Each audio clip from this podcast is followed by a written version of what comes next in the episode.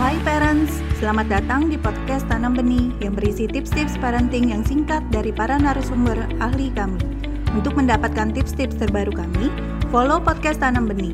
Yuk kita dengarkan bersama.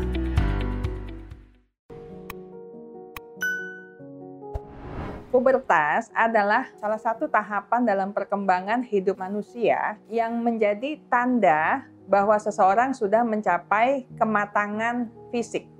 Ya, itu yang disebut sebagai pubertas. Masa ketika tubuhnya mengalami pertumbuhan, perkembangan, dan perubahan menjadi tubuh orang dewasa. Biasanya pubertas itu terjadi sekitar usia 9 sampai 11 tahun. Tapi dengan kematangan anak sekarang, terutama sih dalam hal gizi ya, karena gizinya sudah sangat baik. Sekarang ini sepertinya masa pubertas seseorang maju sedikit, 8 tahunan mungkin ya, sudah mulai ada tanda-tanda pubertas. Walaupun ya ada juga yang umur 9, 10, 11 mengalami masa pubertas awalnya.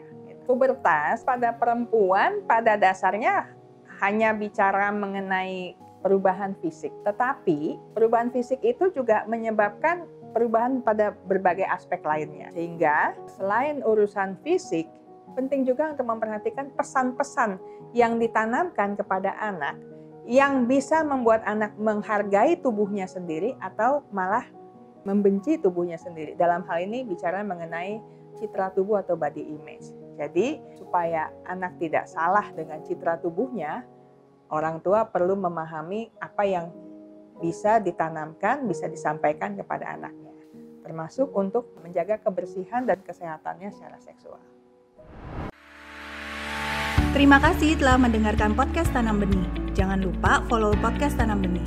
Tidak pernah ada kata terlambat loh untuk belajar.